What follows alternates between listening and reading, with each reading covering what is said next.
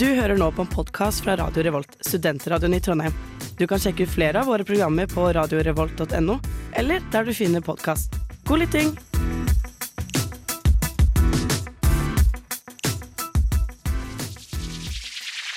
Radio Revolt. Det er showtime! Velkommen til en ny episode av Nerdeprat.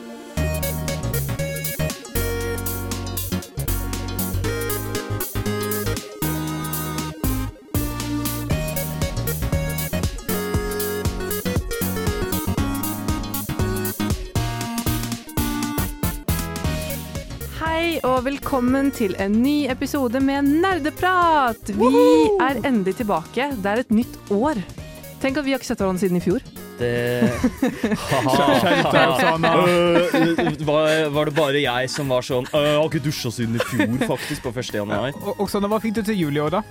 Det vet du hva, det kan vi snakke om litt senere, tenker jeg. Fordi at eh, vi tenker at vi skal dedikere dagens sending til en liten sånn Hva skjer da med oss? Hva skjer da med gamingen? Hva skjer da, Hva gått? Bagheera? Hva, skjer da, Bagheera-sending 2023? Eh, vi tenkte at vi skulle starte med en liten sånn Hva har vi gjort i jula utenom gaming, sånn Mm. generelt? Eh, og så baller vi på videre med litt eh, masse spennende spill vi har spilt, og hva vi har gjort, har og vært en- Det har vært en deilig lang juleferie. Vi har spilt Åh. masse ting. Masse. Vi, du, Dere aner ikke. Vi kan Ja. vel også si hvem vi er, da. Kanskje. ja, ja, jeg heter Oksana, jeg er deres programleder i dag, og med meg i studio har jeg med meg Eh, Håkon? Og Bård. Ja. Godt. Det er vår gamle faste gjeng, så Mm. vi gleder oss. Du hører faktisk på eh, nerdeprat. Um, Gaming er gøy. Radio Revolt. Gaming er veldig gøy, men eh, det å faktisk ikke game noen ganger er også litt gøy. Og vi har jo hatt alle sammen juleferie, så før vi begynner med våre gaming-talk, så har vi en liten Hva har du gjort i jula-talk? Håkon? Oi, skal jeg starte? Jeg tenker du kan starte, siden du, håper å si, du er den eneste som ikke er fra Oslo. Og jeg lurer på hvordan dere Så du feirer mener jul at i vi, vi, Østfold? har ikke, vi har ikke noe vi kan gjøre, liksom? Vi har ikke noe gøy å drive på Nei, med men i kanskje dere har en annen kultur, da? Jeg vet ikke jeg, vel? Um, det er tydeligvis en ting som veldig mange henger seg opp i, men uh, Fredrikstad har f.eks. utedag på første juledag. Oh. Um, som, uh, og jeg har lært at det, siden at det, tradisjonen er jo andre juledag, da. Men Fredrikstad har begge. Ja. Fordi det skal være. Man skal kose seg, vet du. Ok, Så det er ikke sånn at dere drar ut første juledag i Fredrikstad, og så drar du ut andre juledag i et annet sted? Nei. Um, sånn vi har pleid å gjøre det, er uh, vi- drar ut på første juledag. Da er det færrest ute. Um, og så chiller vi på andre juledag. Da får man dra ut. Men er dette liksom noe vennene dine gjør, eller noe alle i Fredrikstad gjør? Alle i Fredrikstad. Altså, Men da er det jo masse folk ute. åpne. Jo da, ja. men eh, det er, det er betraktelig færre folk ute på første juledag enn det er andre juledag, fordi det er liksom den dagen det er tradisjon for å dra ut. Mm, da ser du du har lært deg noe nytt, fordi at jeg har ikke noe tradisjon med å dra ut eh, ever i løpet av jula, bortsett fra når det er nyttårsaften. Så Ja. nå lærte jeg noe nytt om Fredrikstad. Ja, jeg forstår egentlig ikke hvor det kommer fra. Men, men hvordan er utelivet i Fredrikstad sammenlignet med f.eks. Trondheim? Åh, jeg vil ikke snakke om det engang. Det, det er ikke noe å skryte av. Er Staysman like, der ofte? Allikevel så drar du ut. Staysman er oftere i Trondheim enn han er i eh, eh, Fredrikstad, vil jeg argumentere. Oh, ja. Så, um, for, men det er fordi Fredrikstad har litt Ja, det er litt labert med utesteder akkurat i det området. Så, men eh, jeg har jo ikke bare vært ute på byen heller. Jeg har jo faktisk eh, chilla lite grann. Um, og det, det er egentlig stort sett det jeg har gjort i ferien. Jeg har chilla. Jeg var en liten tur i Oslo um, oh. På nyttårsaften. Oh. Um, jeg trodde det skulle være et stusslig siden det var fyrverkeriforbud, men det var jo folk som dret i det. Og fyrte av fyrverkeri likevel.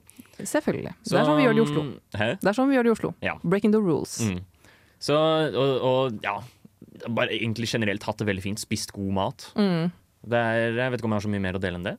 Nei, men så bra da at du har kost deg litt. Ja, det er, men jeg mener jo også at der, um, juleferien skal være litt sånn restitusjon Ja. fra semesteret. Hvor det er sånn, da skal man absolutt ikke Mm. gjøre noe som helst. Eh, man har sommerferien til å liksom være eventyrlig og bla, bla, Mm. bla. Mens juleferien, Enig. da skal du chille. Mm, helt enig. Og Mm. du da, Bård? Jeg har jo gjort akkurat det. Jeg, eh, av diverse grunner så feirer jeg egentlig ikke jul så mye, så jeg har vært her i Trondheim og chilla maks. Bare prata med venner, spilt spill. Vært litt med venner også til en viss grad, og det er det egentlig.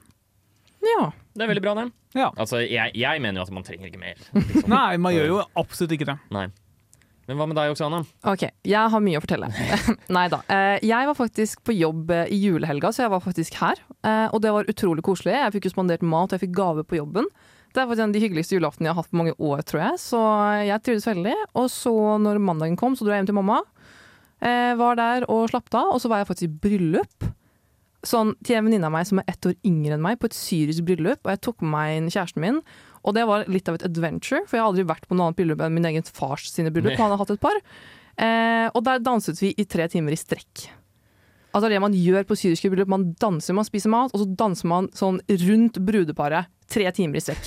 Med deres tra- tradisjonelle danser. Så vi måtte lære oss de, da. Så det var sånn li- Lillebroren da, til hun som skulle gifte seg, lærte oss hvordan vi skulle liksom, steppe med beina våre. Og jeg følte meg veldig klein, for jeg har jo ingen liksom, bevegelighet i kroppen eller noe rytme. Så det var egentlig kjempegøy. Eh, Og dette er ikke sånn dansekonkurranse for å liksom se hvem som holder ut lengst, på en måte. Det er nesten det, ass. Ja. Det er sånn det føltes ut. Så det var sånn flere ganger vi måtte bare sette oss, og så var det sånn der, så jeg liksom hun venninna mi som sa bare 'kom igjen, kom, kom og dans'. Og jeg sånn 'jeg orker ikke mer, jeg har vondt i beina, jeg har vondt i kroppen, og nå orker jeg ikke mer'. Og så blir jeg så flau. Så jeg er livredd for å se den YouTube-videoen som kommer ut av bryllupet deres, eh, av meg og Nikolai som prøver liksom alle de der dansene deres, som ikke får det til, og ser veldig dumme ut. Fordi folk da var veldig flinke til å danse. Mm. Mm. Eh, Så det håper jeg, var egentlig det eneste jeg har gjort, og chilla masse, og selvfølgelig gama litt, da. Ja. Nerdenytt.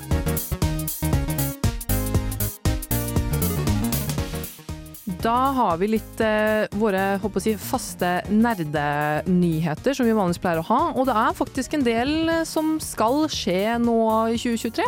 Og en av de tingene som jeg håper si, tenker er det mest relevante og egentlig mest spennende nyheten jeg har hørt på ganske, i hvert fall på et par uker, eh, er at det kommer en The Last of Us-serie. Ja, den har jo vært i produksjon ganske lenge nå. Mm. Ehm, og særlig ehm, eh, Ja, det har vært veldig mye hype rundt det også, særlig spesifikt fordi HBO er de som lager serien. Mm. Um, og de er ganske kjente for å lage veldig gode serier. Mm, og castingen til serien er også ikke så verst. Det er faktisk to Game of Thrones-skuespillere med som spiller hovedrollen, så det er Du vet, de følger si, gamle fotspor. Mm. Uh, hvis dere husker hun der lille, søte jenta som er litt badass i Game of Thrones. Hun som, altså hun som eh, blir spilt av Bella Ramsey. Hun er jo Ellie. Og Pedro Pascal Ja. er Joel. The Mandalorian. Ja, det, han er The Mandalorian. Han er den duden som blir opp og sier ja, skjer litt fæle ting med i Game of Thrones. Og Mm. han spiller nå i The Last of Us, så det er egentlig en veldig god rollebesetning.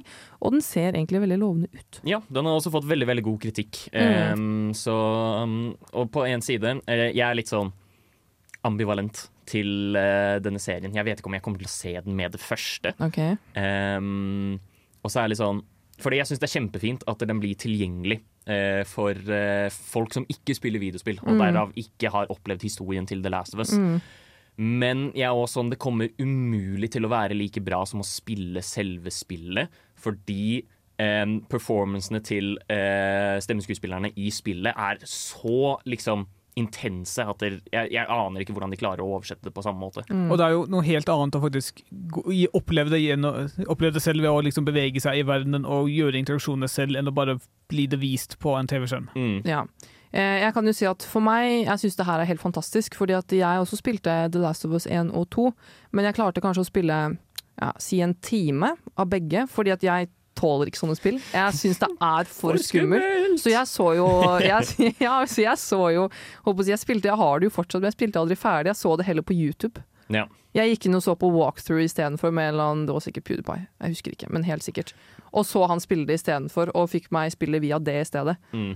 Men Håkon, eh, har du noen peiling på hvor tro serien er til spillene? Eh, Jeg har forstått det slik som at i hvert fall regissøren til serien Han har, han har samarbeidet med Neil Druckmann, altså han som har skrevet og regissert spillene. Mm. Um, så jeg vil tro han er ganske trofast, og han er jo en, en ganske stor Last of Us-fanboy, av det jeg har forstått. Mm. Han mener jo at der, eh, videospill ikke At det før The Last of Us så handlet videospill om hopping og plattforming. Mm. Um, I hans hode så fantes ikke storydrevne spill før The Last of Us, som vil si at det her er liksom helt revolusjonerende i hans hode. Så jeg vil tro at han skal på en måte bevare det som gjør det Jeg, jeg har spesielt. lignende anekdote. Jeg hadde en kollega en, en periode som hadde spilt Last of Us, og så klarte han ikke å spille andre ting fordi han alltid sammenlignet det med Last of Us. Og for han så var det da så liksom tronen på haugen, så han liksom måtte spille den på nytt og på nytt på vanskeligere og vanskeligere. Og han klarte ikke å finne andre ting til å liksom fylle det den tomrommet da som ble oppsto når han fullførte The Last of Us. Det er et, veldig merkelig konsept, men det er jo kanskje på en måte forståelig om det er et skikkelig bra spill. Ja, Mm. det er eh, veldig gøy, syns jeg, å liksom kun ha The Last of Us som sammenligningsgrunnlag.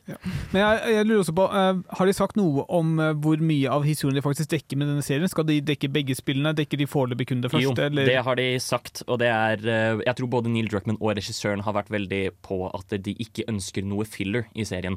Som vil si at det første sesong som kommer ut nå, skal dekke det første spillet. Mhm. Mens an hvis det kommer en eventuell andre sesong, skal det dekke det andre spillet. De kommer ikke til å finne på noe nytt. Nei. De kommer til å liksom framstille historien spillet har. Ja. Mm. Å, jeg, gleder, jeg gleder meg Og masse. det er eh, Jeg tror den beste måten de kunne gjort det på. Mm, 100% Så til alle dere som har spilt eh, The Last of Us, ikke spoil Nei, til noen. ikke Selv om spillene er litt gamle nå. Ja. Ha-ha, du aktiverte nettopp mitt trap card! Nå er du nødt til å høre på nerdeprat til episoden er ferdig! Nani? Vi fortsetter litt med nyhetene våre, for det var faktisk ganske mye nyheter å ta tak i. Mm. Ja, Håkon og Bård. Hva slags nyheter? For jeg har tenkt på noe. Hva tenker jeg på? Vi kan starte med eh, PS5-en. Mm.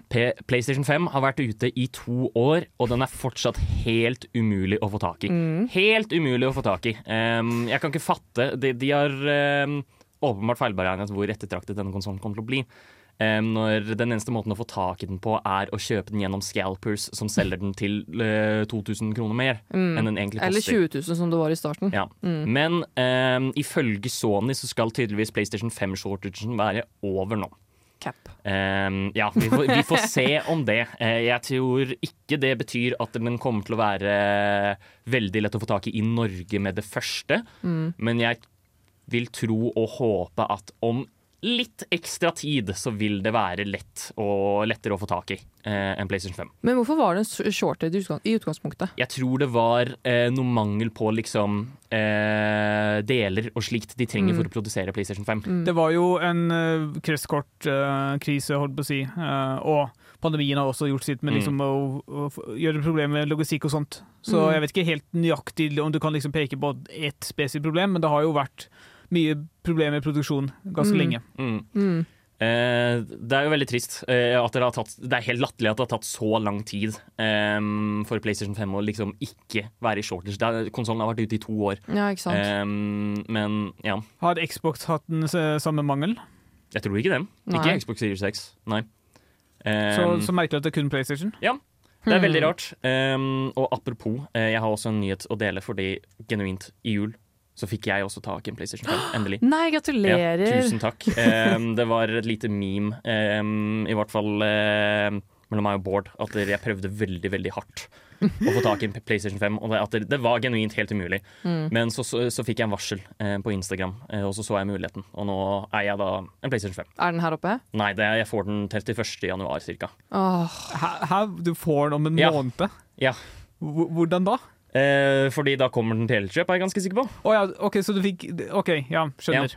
Så um, jeg, jeg, jeg kjøpte den på utenom scalpers. Jeg fikk den faktisk gjennom butikk, som var veldig fint.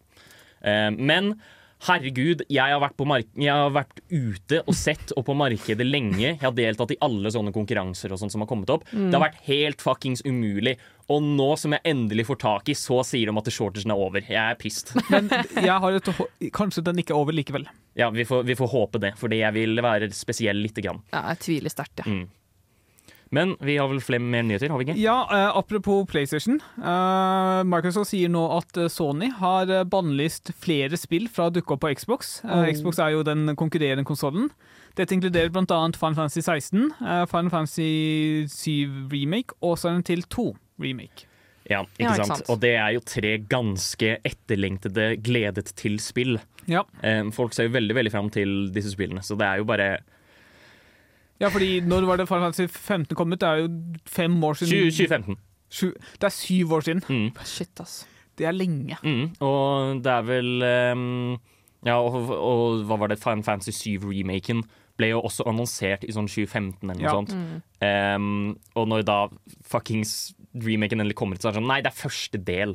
Ehm, Ja. Som egentlig er fem timer av originalspillet, men som de har strekket ut til 30 timer i remaken. Helt utrolig. Så, så vi må ha en del til, selvsagt. Um, det er bare helt, men, men ja, folk ser veldig veldig fram til Men del også to. Silent Hill. Ja, Silent Hill også, ikke minst. Folk ser så sykt fram til disse spillene. Og det er bare det klassisk pick Sony move. Ja. Um, de, de gir seg aldri, holdt jeg på å si. Nei, jeg føler de med så fishy business, altså. Jeg klarer ikke helt å stole på dem. Ja. Nei.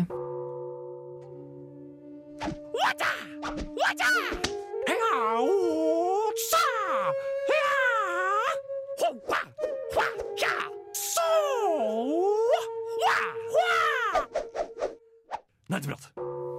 Og velkommen tilbake til Nerdeprat. Vi er på en sånn liten Hva har du spilt i jula, ting? Vil jeg kalle det. Vi har hatt en deilig lang juleferie. Mm. Vi har spilt masse. Ja. Så vi tenkte at vi skulle rett og slett bare snakke om det vi har spilt. Mm. Og jeg vil eh, starte med meg selv. Fordi at det er noe som tydeligvis både Bård og Håkon har veldig mye meninger om. Og jeg er nysgjerrig på at vi, om vi håper er enige. Fordi at eh, jeg spilte Uncharted 4 i jula, og Uncharted 1. Ja. Og ikke 2 og 3. Det ja, ja, ja, det, dette skjønner jeg ikke. OK, så la meg forklare. Fordi du, du, ikke, ikke minst så, spilte du fireren først. Ja.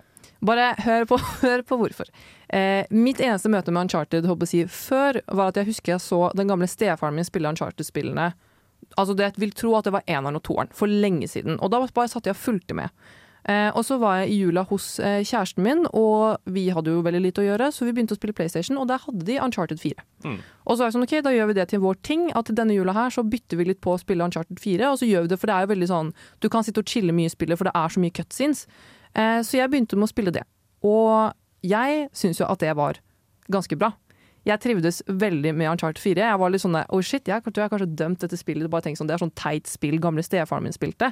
Når det egentlig var ganske kult. Ja, det er ganske bra. Eh, og jeg syns at det på en måte både var ganske sånn Altså storyen i seg selv, jeg føler det er på en måte hovedgreia med Uncharted. At det er så spennende storyline. At du er sånn, og jeg håper at de finner det de leter etter, på en måte. Mm. En ting Uncharted virkelig også skal ha skryt for, er at de har utrolig bra pacing em, som regel. Hvor liksom et kapittel kan starte med at du liksom Du klatrer rundt som man gjør i Uncharted. Det er mye klatring. Em, Og så løser du en puzzle, og så plutselig går noe galt, og så må du liksom fucking skyte deg ut eh, for å komme deg vekk. Blir det plutselig en vill car chase, du grapple-hooker deg rundt. og liksom Utrolig spennende. em, og utrolig engasjerende og liksom crazy, rett og slett.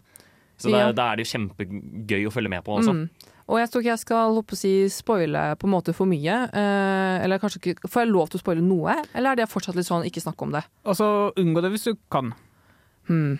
OK, ok, da kan jeg ikke nevne det. Men Mm. jeg rakk faktisk ikke å spille siste halvdelen før jeg reiste hjem, dessverre. Så jeg har faktisk ikke ferdigspilt det, så det venter på meg i påsken. Og du har ikke spilt ferdig Uncharted 4? Altså, jeg har typ, tror jeg, den siste delen igjen, vil jeg tro, da, for vi spilte ganske mye. Men det var akkurat liksom helt på slutten her hvor vi liksom akkurat ikke rakk det, fordi at kjæresten min skulle gå og dra og jakte. Og jeg turte ikke å dra hjem til han alene og spille det. Eh, For det er litt kleint. Men uansett, jeg hadde egentlig Altså, jeg storkoste meg, liksom. Vi hadde pepperkaker og popkorn og brus, og vi bytta litt på, og det var liksom som å se på en veldig avansert interactive film, Mm. basically. At det var liksom litt fint og på en måte Det var ikke liksom Det var kanskje noen av de cutscenesene var kanskje litt lange, syns jeg. Og da var det sånn Kom igjen, liksom. Jeg vil bare komme meg videre. Men generelt så liksom, trivdes jeg i liksom gameplayet, og det var gøy å kunne snike seg rundt, og det var gøy å kunne liksom skyte med litt forskjellige våpen, og det var gøy å løse puzzles, og det Mm. var liksom sånn Puzzlene er liksom akkurat vanskelig nok til at det er Du får lyst til å løse dem, men ikke for vanskelig til at du bare gir opp og googler det. Ja. Sånn som jeg pleier å gjøre ellers. Eh, og så tenkte jeg sånn, hva, nå skal jeg gi hele Uncharted-serien en sjanse. Så når jeg kom hjem til Trondheim, så eh, jeg håper gikk jeg inn på min PlayStation Plus, og da hadde jo Uncharted 1, 2 og 3 gratis. Og da begynte jeg å spille eneren. Ja. Og jeg ble ferdig med i det i dag. Og det er to veldig forskjellige spill, syns jeg, og jeg var veldig glad for å bli ferdig. Men hva er det du ikke likte med Uncharted den? Det er så jævlig mange skytescener at jeg liksom Jeg ble så lei. Det er også mitt altså, Nei, jeg tror Hvis jeg husker riktig, så mitt hovedproblem med Uncharted 1 er at uh, det er så jævlig mye klatring, og klatringen er helt meningsløs og tar så mye tid og fryktelig frustrerende. Ja. Men som nummer to så er det de utrolig intense skytescenene som bare føles veldig påtvungent og ikke tilfredsstillende overhodet. Ja, men det er sånn, ok, jeg har gjort dette, og så sånn, det jeg føler på en måte hvert femte minutt, så var det liksom alltid en ny skytescene, og så får jeg liksom en shotgun, og jeg hater shotguns, jeg er en sånn AK-47-type girl. Jeg, jeg liker liksom ikke å gå med åtte skudd og vite, for, jeg bom, for mitt sikte er jo ikke det samme som den gang var, for jeg spiller ikke så mye på Playstation, jeg spiller hovedsakelig på PC, så jeg bommer jo jævlig mye, så plutselig er jeg tom for ammo, og så må jeg Men- gå bort til en fyr, så har de de jævla laserne som irriterer dritten ut av meg. Ja. Og, og en, min siste, liksom, siste kritikk. Altså, det, var, det er et bra spill, det er ikke det. Men det er bare at jeg, jeg, jeg skrek litt mer her enn det jeg gjorde på Uncharted 4. Fordi jeg tenkte dette her er ikke et skummespill. Dette er veldig Oksana-vennlig, det er spennende, det er litt action. Men det er ikke sånn at jeg blir liksom stressa og pulsen min går opp. Men nå, vet du, det, er, det spillet er fra 2007, nå skal jeg si det. Men de jævla monstrene, de der mutantene som kommer og angriper deg, hva faen var poenget med det? At du måtte gå rundt i en sånn mørk kjeller, og så kommer det sånne skapninger som prøver å drepe deg. Det var nok med soldater. Men det er jo den klassiske Indiana Jones-tingen at skatten var aldri en skatt, ikke sant? Ja, men det Um, bare Det gikk liksom fra bare at jeg bare løp rundt i den ene kjelleren, eller bunkeren eller hva det var, og bare håpet på at jeg klarte å rømme unna de istedenfor å skyte de, for jeg syns de var så jævla skumle. Og Mm. Eh, vanskelig å drepe.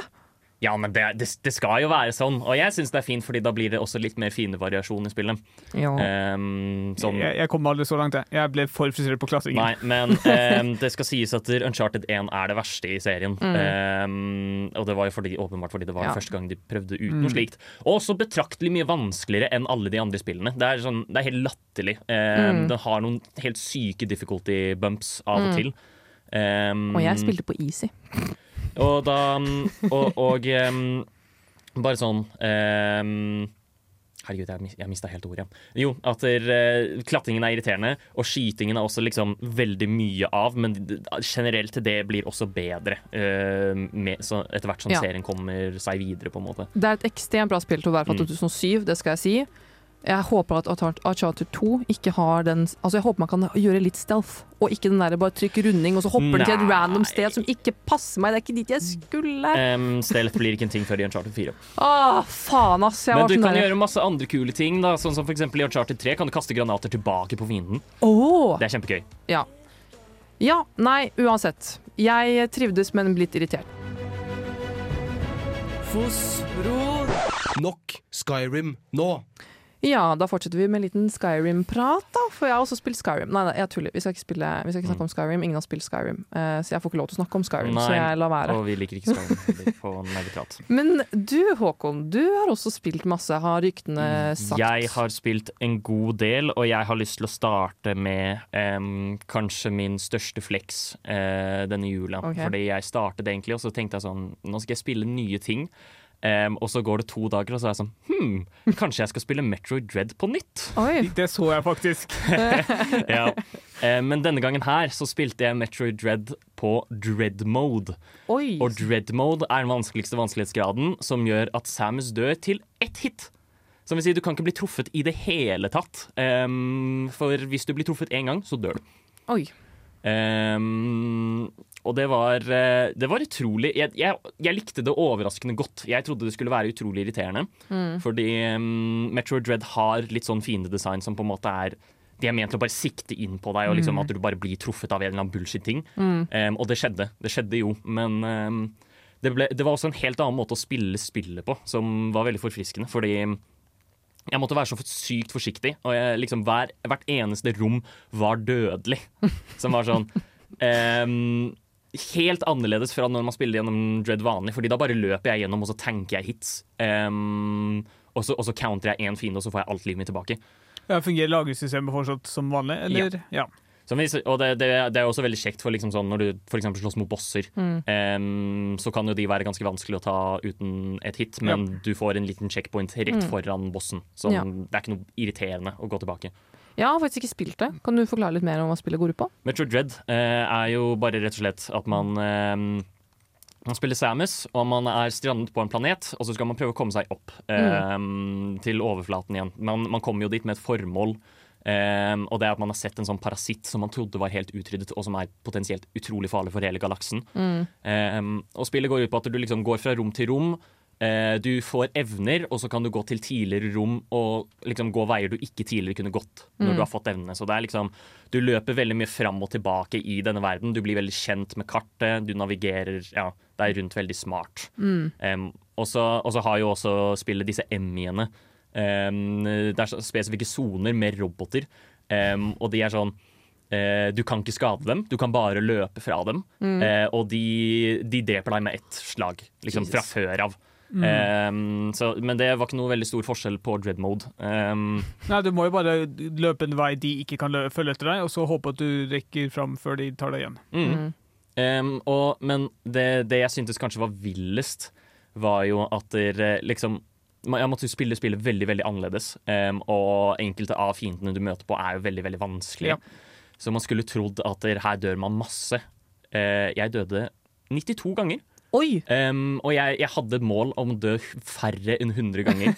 og jeg er veldig stolt av at jeg klarte det. Um, I tillegg så fullførte jeg en hel time raskere enn sist jeg spilte gjennom det på hard mode. Som er, også er helt vilt for meg. Jeg kan ikke fatte at jeg um, Jeg spilte på den vanskeligste modusen, og så gjorde jeg det bedre på alle mulige måter enn da jeg spilte gjennom hard.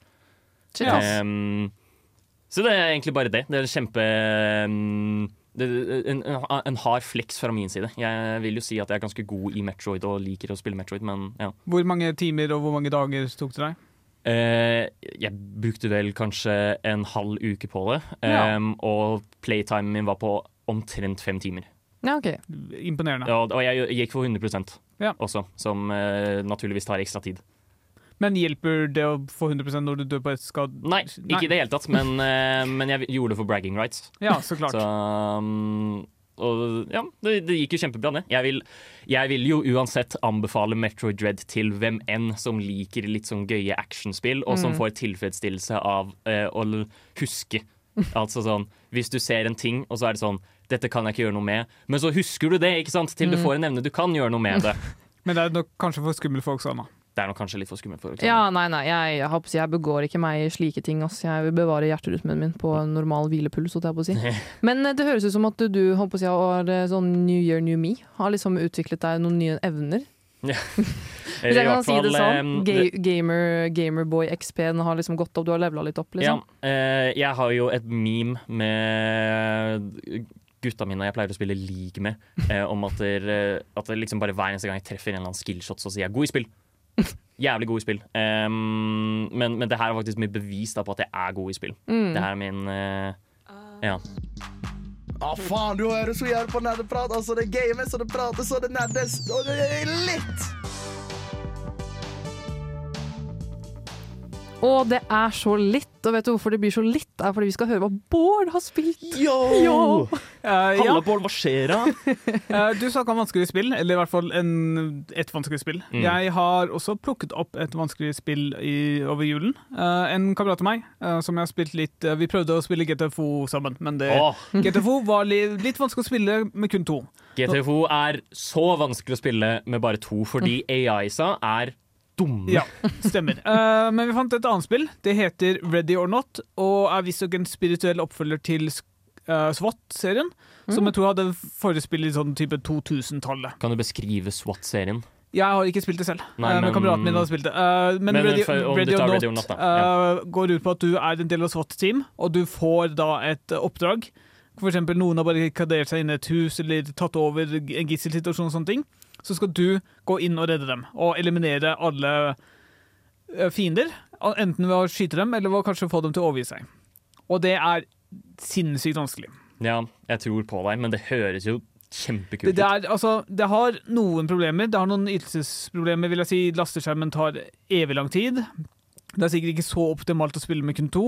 Og det er liksom noe med strukturen på spillet som er utrolig frustrerende. For eksempel, du går på et sted, og så velger du oppdrag, men du kan ikke velge hvordan utstyr du skal ha med deg på det oppdraget. Da må du gå til liksom, garderoben, og så velge utstyr der, og så må du gå tilbake. Og sånne ting, ja. Litt frustrerende, men når du kommer inn og liksom faktisk spiller spillet, så er det så godt gjennomført. Altså, Kartene er gigantiske og gir masse rom for, liksom, for folk å gjemme seg, um, altså hovedsakelig fiendene. Og også systemene for du kan liksom Du kan åpne dører på gløtt, du kan kaste inn da en uh, flashbang, eller du kan ha et kamera som kan stikke under døren for å bare se hva som skjer, se på andre siden. Ja. Det, er, det er liksom der Og når, når du lager lyd, f.eks. skyter andre folk, så kan det dukke opp folk bak deg, foran deg, og hvor som helst. ja, så det, det, det er faktisk veldig gjennomtenkt Ja. av hvordan det hele skal Det spilles. er det. Det, det føles som uh, Ikke helt som Rainbow Six Siege, fordi det er litt for eh, Kanskje litt for hurtig i sin fremgangsmåten sin, men det er liksom kanskje Rainbow Six eh, Vegas eller noe sånt, som jeg, er et tidligere spill som hadde litt lignende vibber, da. Men det er type, det er første person det er utrolig bra gjennomført, og jeg har store forhåpninger til hvordan det kan uh, utvikle seg med tiden. Det er ikke helt ferdig ennå, uh, som er bra, fordi det har rom for forbedring. Men Mm. uh, det som er der nå, er utrolig bra. Vi Mm. spilte det i to dager og sånt. Sikkert totalt syv-ti timer. Ja. Ikke sant? Så Men- det er veldig Ja. bra. ja, det er online. Ja, du, ja. du kan jeg, jeg er litt usikker på om du kan spille med helt tilfeldige folk, men du kan i hvert fall spille med dine venner. Jeg blir med. Det er det jeg ville si. Men uh, ikke du bli redd når det kommer en fyr bak deg og bare plaffer deg ned? Og du Men er vi, på, er vi på lag? Ja. OK, da går det bra. Men eh, ja, fordi de andre er vel bare bots, holdt jeg på å si. Eller altså ja, så spillet. fiendene er Ja. styrt av eh, datamaskinen. Ja. Eh, og det er, når du er kun to stykker, så er det kun to stykker som faktisk går inn. Så du, du slipper at liksom en datamaskinstyrt Ah. venn går alene et eller annet sted i Gokk og gjør, blir skutt der.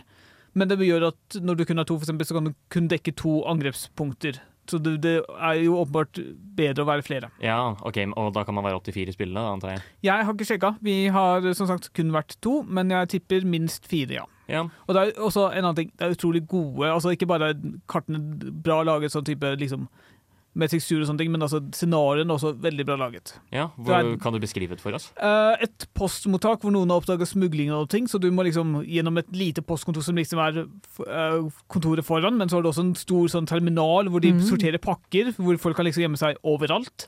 Og så har de jo masse Oh kontorer my god, det er jo dritfett! Ja. Men eh, der er det også type sånn, det er noen gisler som er, er på lag med terroristene. Så du må liksom prøve å finne, finne dem og da få dem til å overskyte. og What the fuck? Ja. Hva slags Herregud, Og så no, crazy. noen baner har sivile som går rundt med en kniv og prøver å drepe deg likevel, selv om de er sivile. Så du kan What? ikke skyte dem. Du må bare få dem til å overgi seg. De har vilt Shit, varierte eh, scenarioer, som. Og det er også kjempekreativt! Mm. Ja, det er ja. utrolig godt laget. OK, pris. Uh, vi kjøpte på salg uh, rundt 200-300 kroner. Jeg er med. Jeg kjøper det i kveld. Ikke så verst. Jeg kjøper det i kveld. Jeg har faktisk solgt det. høres ut som et perfekt spill. Vi kan spille sammen! Ja, men det er mulig, det. ja. Bård eh, rynker på nesen. Nei, det, det, det, ikke vær med meg og vennene mine. Dere får ikke være med. jo. Ohayo, minisan, konnichiwa. Du hører på Nerdeprat, nja-nja. På Radio Revolt, desune. Uh -huh. Uvu. Og vi fortsetter med den søteste, som er meg. Nei da, jeg tulla. Hei, hei. Jeg, er- jeg tror faktisk du er den søteste der også. Å, Hei. mener du det? Hei, hei. Å, så hyggelig! Unnskyld meg. Du, du, Trym Håkon, du er en høy person med en caps hvor det står 'anxiety' på. Du har ingenting å si. Det betyr ikke at jeg ikke kan være søt. Håkon, Håkon, du er pen, men jeg er søt. Enig. Og Bare- Bård er veldig sjarmerende. Uansett, ja. uansett, jeg vil også snakke om en annen ting jeg har spilt. Eh, fordi det eneste tingen jeg hadde på en måte å spille på i mitt eget hjem da, hos mamma, var eh, switchen min. Og der var ofte min kjæreste på besøk, og det er ikke så jævla mye å gjøre hos mamma. Eh, det, vi er, det er ikke noe Chromecast, det er ikke noe privacy. Det er liksom sånn bare sitte og henge, og mamma liker å bable. Og så man kan bli litt sliten av etter hvert. Så det vi gjorde vi Overcooked kosta tolv kroner, for det var på tilbud. Og da spilte jeg og Nikolai det. Eh, Med moren din eller uten moren din? Uten. Ja. Hun skjønte at det, Da trakk hun seg faktisk litt unna, fordi hun skjønte at nå er vi meget opptatt. Fordi alle som har spilt Overcooked, vet at det, må, det krever full konsentrasjon. Ja. ja.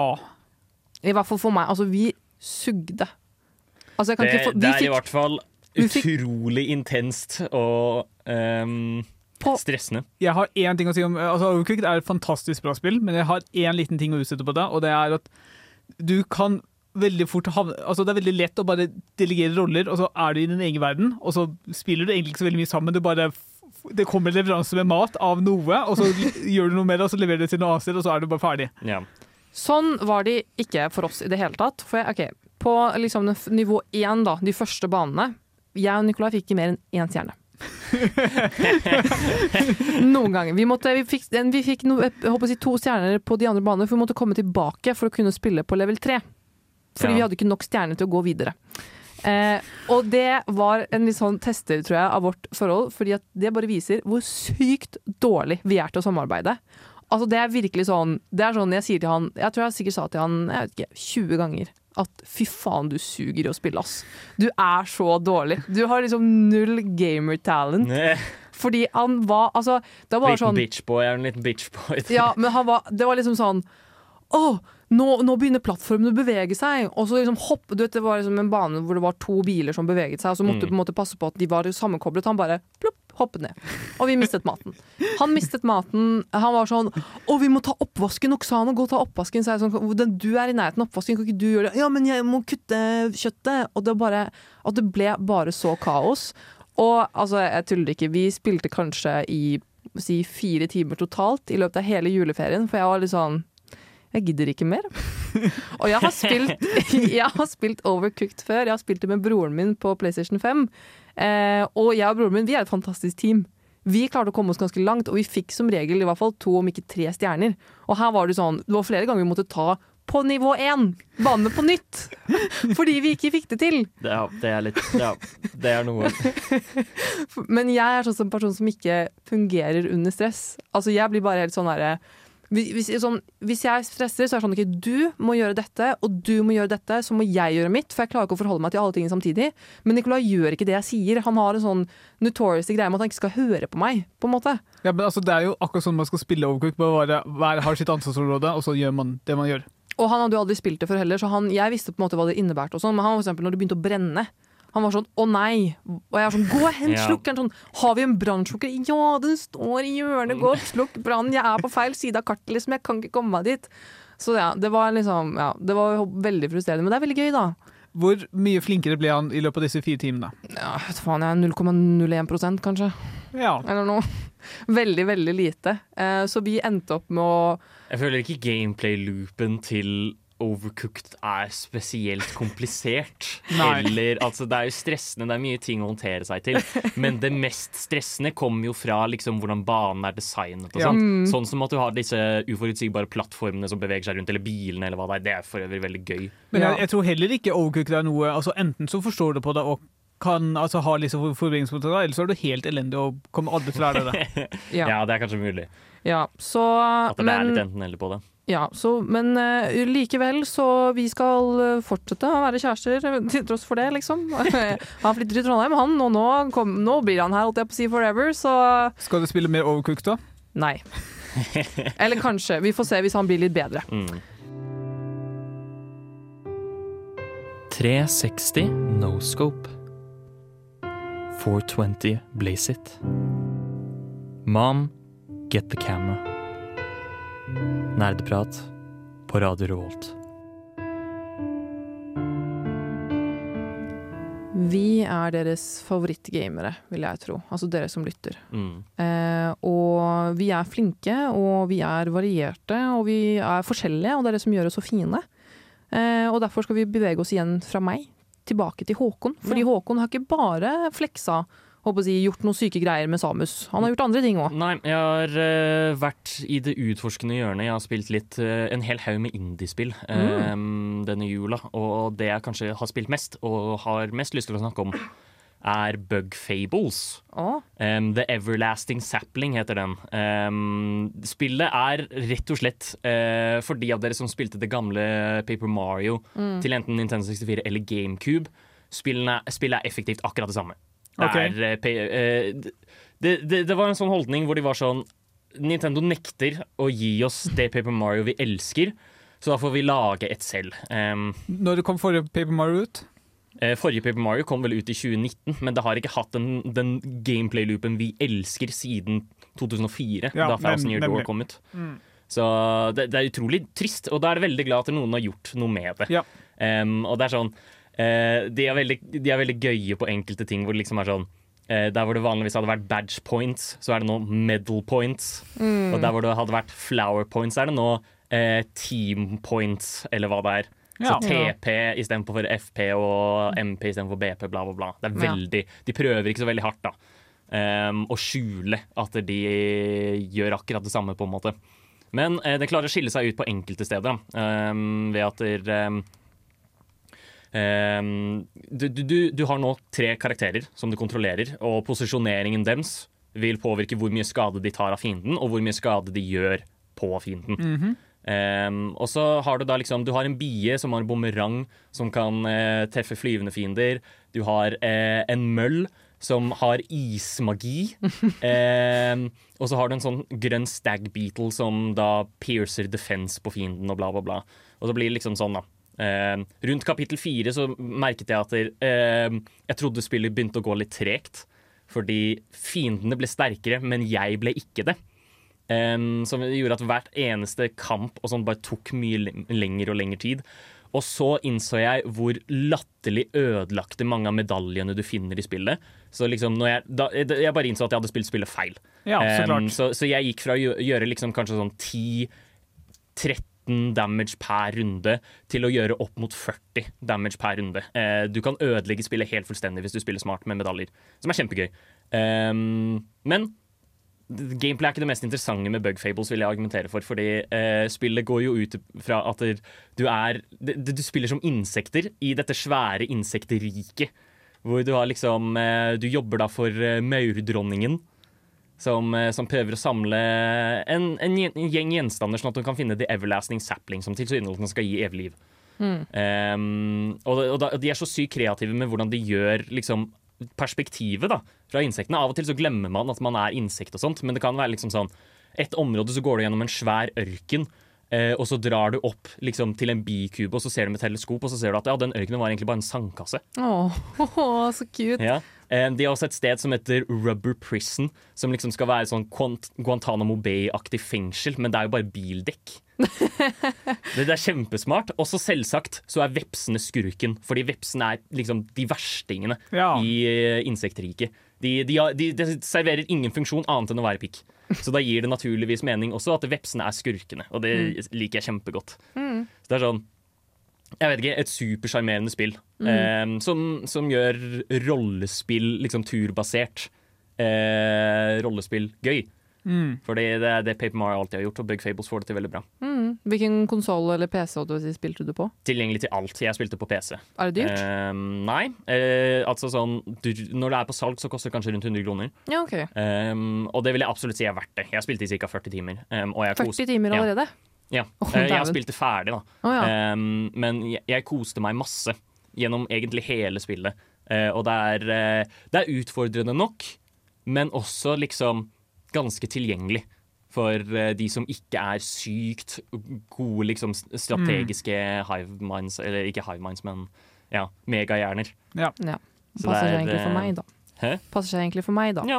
Og hvis du liker eh, turbasert rollespill, så er det veldig bra. Jeg gjør jo vanligvis ikke det, så det sier noe hvis jeg liker Bug Fables. Mm. Det burde si deg noe, i hvert fall. Mm. Ja, men så greit, da. Mm. Det jeg holdt på å si eh, eh, Jeg kunne gjerne tenkt meg å spille et lite insekt, jeg. Ja. Eller du, hvilket insekt var mann? Man, man spiller en bie, en møll og en stag beetle. Det stemmer Ja, det er de tre. Altså, på, på en måte kan de gjøre hver sin ting, og de Ja. har sine unike evner. Og Ja. de også som trio har um, de, de, de, de fungerer veldig bra med hverandre. De er Mm. utrolig sjarmerende karakterer med veldig fine, gøye personligheter. Og med en overraskende emosjonelle bakhistorier. Man bryr seg, liksom. Eh, Har de law? Ja, de, det er masse law. helt, helt fascinerende, liksom. Hvordan eh, Og det er nettopp det jeg sier. Det, mitt største kompliment til dette insektspillet er at jeg ofte glemmer at det er et insektspill, fordi det har så engasjerende historie. Åh. Nei, det går på lista mi i år også, tenker jeg. For det er akkurat sånn type spill jeg hadde elsket. Mm. Du får en remake, og du får en remake, og du får en remake. Alle får en remake. Ja, Bård, har du spilt en remake? Nei, jeg har spilt en eh, oppfølger. Eh, jeg tror det var eh, i fjor vår så kom Total War Warhammer 3 ut til litt sånn blandet mottakelse. Folk sa fortsatt at toeren var bedre. Eh, og så var det på nyttårsaften hvor eh, noen av vennene mine var ute og feira, og jeg satt og prata med en annen person, og han bare Ja, spill uh, Total War Warhammer 2 er et veldig bra spill. Og det hadde jeg jo til og med kjøpt og ikke spilt så veldig mye, så jeg plukka det opp igjen og spilte en time, to timer, og så bare fant jeg at nei, jeg burde kjøpe treeren. Fordi treeren har en god prolog som forklarer konseptene bedre, og har mer Har noe som mer å spille som. Hvordan visste du det? Hadde du spilt treeren? Jeg skjønner ikke. Uh, nei, jeg fikk prate med han fyren som hadde spilt både toeren og treeren, Ja. og jeg leste meg opp sånn uh, Etter jeg døde i toeren, så, fant- så leste jeg opp ok, er det verdt å kjøpe treeren, og sånn der på tilbud jeg fikk sånn Betalte sånn 300 kroner for det. Ja, um, vi kan jo starte med hva er egentlig Warhammer? Total War? uh, Total War er en serie med store strategispill, hvor du beveger deg rundt på kart, gjerne f.eks. Europa eller Romerriket eller sånne ting. Og så når du møter en fiendtlig hær, så utspiller du et slag mellom dine tropper og deres tropper. I Total War Warhammer så er dette da hentet fra Warhammer-universet. Så du har fantasimonstre, du har dverger, du har eh, imperialister Du har veldig mange forskjellige folkeslag, og du har magi, du har liksom veldig Det er et fantasiunivers som er veldig godt laget for eh, Warhammer. Robotninjaer eller noe sånt, er det ikke? Det er vel for, uh, Warhammer 40 000. Det Ja, her er det originale Warhammer, som ikke er uh, sci-fi, men liksom fan fantasi. Ja, Mm. OK, skjønner. Eh, så ja, altså, det er vanskelig å anbefale, fordi det er et Total War-spill. Enten liker du sånne spill, eller så liker du ikke sånne spill. Jeg er utrolig dårlig på strategispill, men liker det veldig godt å spille dem. Så Ja. jeg jeg, likte det ganske bra. Er det litt sånn Siv-lignende? Sånn i forhold til Siv, liksom? For det er eneste referansen jeg har på strategispill. Siv eh, blir vel ofte opp, oppfattet som babys første grand strategy-type spill. Mm. Ja. Um, så jeg vil tippe at Total War er betydelig mye mer komplisert. Ja, eller altså det er mye mer fokus på liksom stridføring. Fordi i alle kampene dine så har du et lag og en motstanderlag på en slagmark som okay. du kontrollerer i liksom sannhetstid. Mens i Civilization så er det bare du er nabo til en annen styrke, og så ser du hvem som er sterkest, og så vinner den som er sterkest. Ja, OK, jeg skjønner. Mm. Eh, I tillegg så er det jo i Total War så har du liksom noen få byer som du bygger ut, og så er det litt mer begrenset til hva du kan bygge ut, kanskje. Mens i Civilization er det veldig mye forskjellig du kan bygge ut, og Ja. i hvert fall med de senere utgavene. Det er liksom ikke like mye politiske innspill på en måte i Total War versus Siv, da. Nei. Men fortell litt om opplevelsene dine med spillet. Hvordan har det vært å Uh, toeren så gjorde jeg noe veldig dårlig valg i starten og døde umiddelbart, og det var da jeg begynte å spille treeren. Uh, treeren har en veldig god prolog, veldig, veldig god prolog som var liksom både interessant og hadde masse liksom videosnutter som forklarte historien og sånne ting. Så den, det er derfor jeg liksom hadde lyst til å kjøpe treeren. Uh, men når jeg liksom kom meg videre og spilte liksom den faktiske kampanjen i treeren, så merker jeg at jeg igjen er utrolig dårlig på strategispill. Uh, jeg tror motstanderne mine har løpt fra meg i liksom hastighet og begynner å nærme seg. Fordi en lite frustrasjonsmoment er at uh, du oppdager underveis hva som er faktisk målet med den kampanjen. Fordi du har, du, du, du har to forskjellige måter å spille på. Du kan ha liksom full krig, men du kan ha også ha en kampanje hvor det er liksom litt mer uh, narrativ rundt dette her. Okay. Og det narrativet og det plottet og målet, opp, eller måten å komme deg til målet på, oppdager du underveis. Så for meg som førstegangsspiller så er det Ah. vanskelig å liksom vite at jeg må ha så, så stor styrke for å kunne gå dit når det blir åpnet. ja, Mm. jeg skjønner. Men det blir, vil nok bli bedre på liksom forsøk to, tre, fire. Jeg har jo håp om å prøve å spille det mer. Men tiden har fridd litt fra meg. Mm. Ja, noen andre? det er andre? fortsatt ja, gøy å høre om. Ja. Uh, hvis du liker strategispill, så vil jeg anbefale, virkelig anbefale Total War. Mm. Uh, I tillegg så må jeg også nevne et spill jeg oppdaga rett før jul, som jeg plukka opp. Det heter Pentiment. Uh, Les om det i en NRK-anmeldelse over eh, topp ti spill forrige semester, og jeg hadde ikke hørt om det engang. Mm -mm. Du, eh, det er, spillet foregår i en slags historiebok, holder på å si. Du, du ser liksom et vindu, og der er du en eh, eh, en person i liksom middelalders Europa. Uh, Boktrykkerkunsten er ikke helt funnet opp ennå. Du skriver bøker for manuelt, si, liksom i klosteret. Ja, for hånd, ja. Ja. Ja. Eh, Det er liksom det stadiet man er på, og du er da en sånn skribent. Så liksom no, Jeg har ikke kommet så veldig langt i spillet, men konseptet er liksom at du som skribent har jo da muligheten til å liksom gjøre de endringene som du ønsker å gjøre i Mm. disse historiebøkene. Og I tillegg så tror jeg det skal komme noen mysterier og lignende underveis som du skal da prøve å finne ut av. Men du kan altså skrive om historien til å bli helt absolutt bonkers. Jeg tror ikke det er helt sånn, men det er kanskje helt sånn type Hvilken narrativ vil du ha? Vil du ha kongen som er en tyrant over der, eller vil du ha en konge som er litt Ah, vemodig? ja. Sånne, kanskje sånne ting. Bare liksom vise vil, hvilken side av uh, Hva skal jeg si egg, uh, Hvilken side av eh, konflikten du har lyst til å fronte. Mm. Det skjønner jeg, Er det et skrivespill? Nei, du, du beveger deg i liksom et eh, Det er et slags hva, hva, Du skriver ikke, men det er veldig mye dialog, og dialogen er skrevet Altså er en veldig kul font, og fonten tror jeg skal egentlig bety noe, men jeg har ikke kommet så veldig langt ennå. Okay. Er, det, Er det type pek-og-klikk? Ja, det er veldig pek og og klikkspill. Så du, du går ut på Du liksom Du har fått beskjed, du skal fullføre en bok for et oppdrag, og du skal også hjelpe de du leier oss, å kunne betale utgiftene sine. Men ut fra det så har jeg ikke kommet så veldig mye lenger. Men det som grep meg, er liksom det er, et, det er masse mysterier her, og du har fleksibilitet til å ta valg som da påvirker historien. Ja, for jeg vet at dette spillet er veldig elsket. En av de mer liksom hva skal man si, elskede spillene fra i fjor, som Ja. ingen spilte. Jeg gleder meg masse til å spille med det. Ja. Det er godt å så høre. bra. Også noe jeg skal ha på lista mi igjen, for det så veldig spennende ut.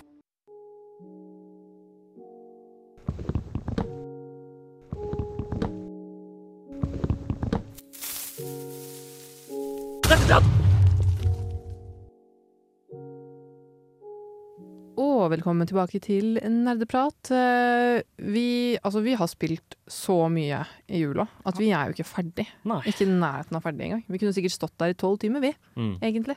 Eh, jeg tenkte jeg skulle bare tenke, altså, gi et lite jeg, har, jeg er egentlig litt sånn tom for spill. Jeg spilte ett spill i tillegg til de andre spillene jeg har spilt, men det spilte jeg veldig kort. og det var også av samme årsak til at jeg skulle jeg, ha noe å gjøre med Nikolai når vi var hjemme hos moren min. At jeg også kjøpte til sånn ti kroner for oss opp tilbud, noe som heter Cat Quest 2.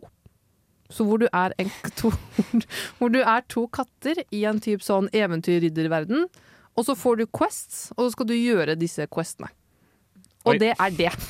Det er et veldig enkelt spill. Det er veldig enkelt design. Det er veldig sånn enkelt du kan Enten får du et sverd, eller så får du en magic wand, men alt liksom er Eh, liksom alle navnene og alle liksom eh, Altså navnene på byene eller navnene på sverdene har sånn kattereferanse. Så det er veldig sånn søtt spill. Og så du er ikke liksom pus på alle fire, du er, du er typ sånn katte-menneske-type pus. Ja, du, du, går, du, du går på bakbena, men du er en katt. Du Ja. er ikke en sånn hybrid, liksom. Du er en ekte katt. Ja, Eh, men skuffende. ja, en, dette spillet altså, likte altså ikke Nikolai. Han syntes det var litt fryktelig kjedelig. Og det var, jeg likte det bare fordi ja, Det var jo ikke et dårlig spill i det hele tatt, men det var bare det jeg syntes var søtt. Ja. Det var liksom sånn derre liksom The Meow Kingdom og liksom sånn derre uh, Cat uh, Altså, du skjønner, da. Sånne ordspill med noe som har med katt å gjøre. Mm. Eh, og det egentlig konkluderte liksom min gamingjuleferie, sånn sett. Ja. Eh, og jeg spiller kanskje okay, jeg skal si kanskje en time eller noe, for Nicolai ville- ville heller spille Overcooked. Men jeg måtte ha litt pauser innimellom. ja. Men ja. Men du da, Håkon. Du hadde mer på hjertet. Ja, fordi jeg har også spilt et annet spill, og dette har ikke blitt snakket om veldig mye i det hele tatt, og særlig ikke med tanke på um, at det, det er jo i early access, så det er kanskje litt naturlig, men også sånn Jeg føler dette burde være en større ting, det folk snakker om akkurat nå. Uh, og det er et spill som heter Deadlink, som er Du kan nesten kalle det en miks av Doom Eternal og Hades. Um, fordi det er, ja, det er rett og slett en Doom Eternal-type klone, en arena-shooter. Ehm, med liksom hvor Det er en rogelike, um, så, så du kan liksom velge forskjellige sets med våpen og bla, bla, bla. Og så går du gjennom et rom, du dreper alle i rommet, og så får du en power-up på slutten av rommet. Akkurat sånn som i Hades. Okay. Og det er virkelig noe av det gøyeste jeg har hatt det med en rogelike på veldig lenge. Og det er jo bare fordi jeg liker Doom, Så klart. naturlig nok. Du er Mm. veldig bra spill. Um, ja, så Men, men, men, men også sånn uh, det, det er jo fortsatt i early access, og det er åpenbart ikke ferdig. Det er kun to områder i spillet akkurat nå. Jeg har spilt i ca. fem timer og kommet meg til den siste bossen tilgjengelig. Jeg har ikke klart å beseire han ennå, men jeg har kommet meg til han et par ganger. Um, så, så det har definitivt mer å gjøre, men det har også tre forskjellige karakterer man kan leke med. Ehm, og tre forskjellige vanskelighetsgrader. Avhengig, altså Når du klarer én vanskelighetsgrad, så vil du låse opp en ny vanskelighetsgrad. på en måte. Um, og det er uh, utrolig gøy. Det er, og det er også sånn Veldig mange av de karakterene har liksom syke uh, evner. Um, hvor OK, du har en som er soldier. Han har bare sånn Han har en um, shotgun og en rocket launcher, og så har han en grapple hook. Fordi alle bra spill har en grapple hook. Det er nok eh, for deg å vite at Deadlink er et bra spill. Um, men så har du også en annen som heter, jeg tror, Hunter, som da har en vanlig handgun. Um, og så uh, hva skal man si, en arc cannon som skyter liksom en lang kolonne, nesten, mot fiendene. Um, og hans mobility skill er at han bytter plass med et target. Um, som gjør at du bare liksom swapper og liksom mm, hopper rundt, og du forvirrer fiendene ut fra egen lokasjon og bla, bla, bla. Kjempekult. Eh, og så har du til slutt en engineer som har en hard Han har en hard heavy gun, liksom. Eh, en, en bouncing grenade launcher. Eh, granatene spretter rundt, liksom. Og en turret han kan legge ut. Så klart. Mm. Så han har minst mobility, men han gjør opp for det ved at han kan være helt crazy på andre steder. Mm. Um, så, så, så hver eneste karakter føles veldig annerledes ut å spille. Jeg liker da Soldier best fordi eh, jeg liker tanken om gå nærme fienden, blaste med shotgun, de går boom. Um, det, det, det appellerer veldig til min eh, goopy goblin gamer brain. Um, så, så, så jeg har spilt mest Soldier, men alle karakterene er veldig gøy å spille på sin egen måte. Det er rett og slett Hvis du liker fast-paced action skytespill, kjempebra valg. Uh, og til en ganske grei pris, vil jeg også si, faktisk. Um, jeg, jeg betalte vel 100 kroner for det på salg. Ja. Um, absolutt verdt det. Absolutt verdt det, faktisk. Nei, vi har gjort mange kupp nå i jula, gitt. Mm. Fy faen. Fy faen. Yumi, ass. Hva, hva faen er det som Å, fy Å, å fy faen! Åh! Jeg hater dette drittspillet! Tihi, hør på nerdeprat. Mjau. Ja, det stemmer. Du hører på Spillmagasinet på Radio Revolt, og vi snakker om dataspill. Og Bård, Som vi vanligvis gjør. ja, som vi gjør hver torsdag. Bård, har, du har spilt masse andre spill du òg, har du ikke det? Ja, men jeg tror jeg skal spare noen av dem for senere semestre. Akkurat nå har jeg lyst til å prate om det jeg nevnte før jula, var kanskje det jeg gleder meg mest til i nær framtid. Hvis noen av dere husker det, så var det et nytt raid som kom ut til Lost Ark i midten av desember. Som hadde en ganske viktig En viktig karakter. Ja. Ja, eh, jeg har ikke kommet meg til henne ennå, eh, fordi raidet er seks kamper lang. Og det er eh, veldig, veldig lenge, og spesielt når du må bli sterkere for å faktisk du, du kan starte relativt ikke sterk, men du må bli sterkere for å faktisk komme til slutten. Og jeg, mest sannsynlig så gjør jeg det denne uken, men det jeg har opplevd hittil, har vært ganske kult. Ehm, for, altså, en ting Lost Ark gjør skikkelig skikkelig bra, uh, som jeg kanskje har nevnt tidligere, er design av raid og design av kamper. Uh, og i dette nye, som uh, heter Breshasa, er det ingen uh, unntak. I uh, kamp nummer to så er, har, du har åtte eh, mennesker. En av dem blir utpekt for å kjempe mot den virkelige bossen, mens de syv andre er på utsiden og kjemper mot et slags spøkelse. Og når de tar den ned til null, så blir den virkelige bossen bare lamslått, og da har de mulighet til å gjøre ekstra mye skade på den i det spillerommet. Og det er, det er, er en okay. utrolig kul følelse å være den personen inne der og faktisk klare å drepe den bossen helt alene, uten noe hjelp fra andre, omtrent. Men det er skikkelig irriterende for de syv utenfor, som blir nærmest ja. tilskuere og sånne ting. Og spesielt det å prøve å finne en gruppe som faktisk har en person som er villig til å kjempe med den personen inne, fordi det er dritvanskelig. Jeg har prøvd. Det, Ja. jeg, har ikke, jeg, jeg har ikke prøvd så lenge, men det jeg har prøvd er fortsatt ikke nær nok. Ja, jeg skjønner. Det, er, det virker jo som en veldig kul mekanikk. Um, Ja. Konseptmessig, men kanskje ikke fungerer At, kanskje, at det ikke fungerer Nei, det er, helt. det er skikkelig dritt å vente på noen som faktisk er, eh, kan ta den kampen, men å være den personen som gjør den kampen, uh, en venn av meg som gjør det, uh, han sier det helt fa- Han elsker det. Ja, det er gøy bare for den inne Ja. i ringen, liksom. Men Det gir mening. men Men, ikke bare det. Uh, I tillegg så du, så har du en kamp hvor du kjemper mot en åttesidet terning. Fra Oi, DND. oi. Altså, det høres helt banalt ut, men det er fortsatt en utrolig godt designet kamp hvor den endrer for, i den endrer ikke form, den endrer eh, farge, og den har masse mønster rundt, så det er utrolig, en utrolig tilfredsstillende kamp å se på. Og bare det at du har klart å gjøre en kamp ut av en, liksom en figur. ja. ja, det er veldig imponerende. Det er jo sånn Når du har vist, uh, vist meg Lost Ark tidligere, og sånt, raids av deg, de virker jo helt fuckings crazy. Ja, det er det. helt absurde, liksom. Og i tillegg, eh, det jeg er at du har en annen kamp som er utrolig visuelt tilfredsstillende. Du har masse liksom, pene effekter. Som er, altså Kampen i seg selv er egentlig ganske lett, men den er så utrolig fin å gjennomføre fordi alle effektene ser helt fantastisk ut. Ja. Du har liksom masse liksom, turki, eh, ikke turkis, men liksom fiolett og masse uh, effekter og alt mulig sånt, som gjør kampen utrolig tilfredsstillende. Mm. Så jeg har kost meg masse med det siden uh, midten av desember, og kommer til nok til å gjøre det i noen måneder til. Så bra. Ja, hvor mange timer har du Lost Ark nå? da? Jeg kan røpe såpass at det er firesifret. Nå må jeg tenke. Det er mer enn 1000. Ja, det er Det, mer det er 1000 eller høyere. Kan du si sånn cirka liksom mer, mer spesifikt? Vi får uh, gjette. Um, Men jeg skal også si at det er type, jeg, jeg kan logge inn på spillet mens jeg kommer hjem, og så er jeg logget inn mens jeg lager middag mens jeg ser på TV. Bare fordi jeg har et sosialt nettverk der som jeg integrerer med. Er det Nei. det mest spilte spillet ditt på Steam? Det, Det må det nesten være, ja.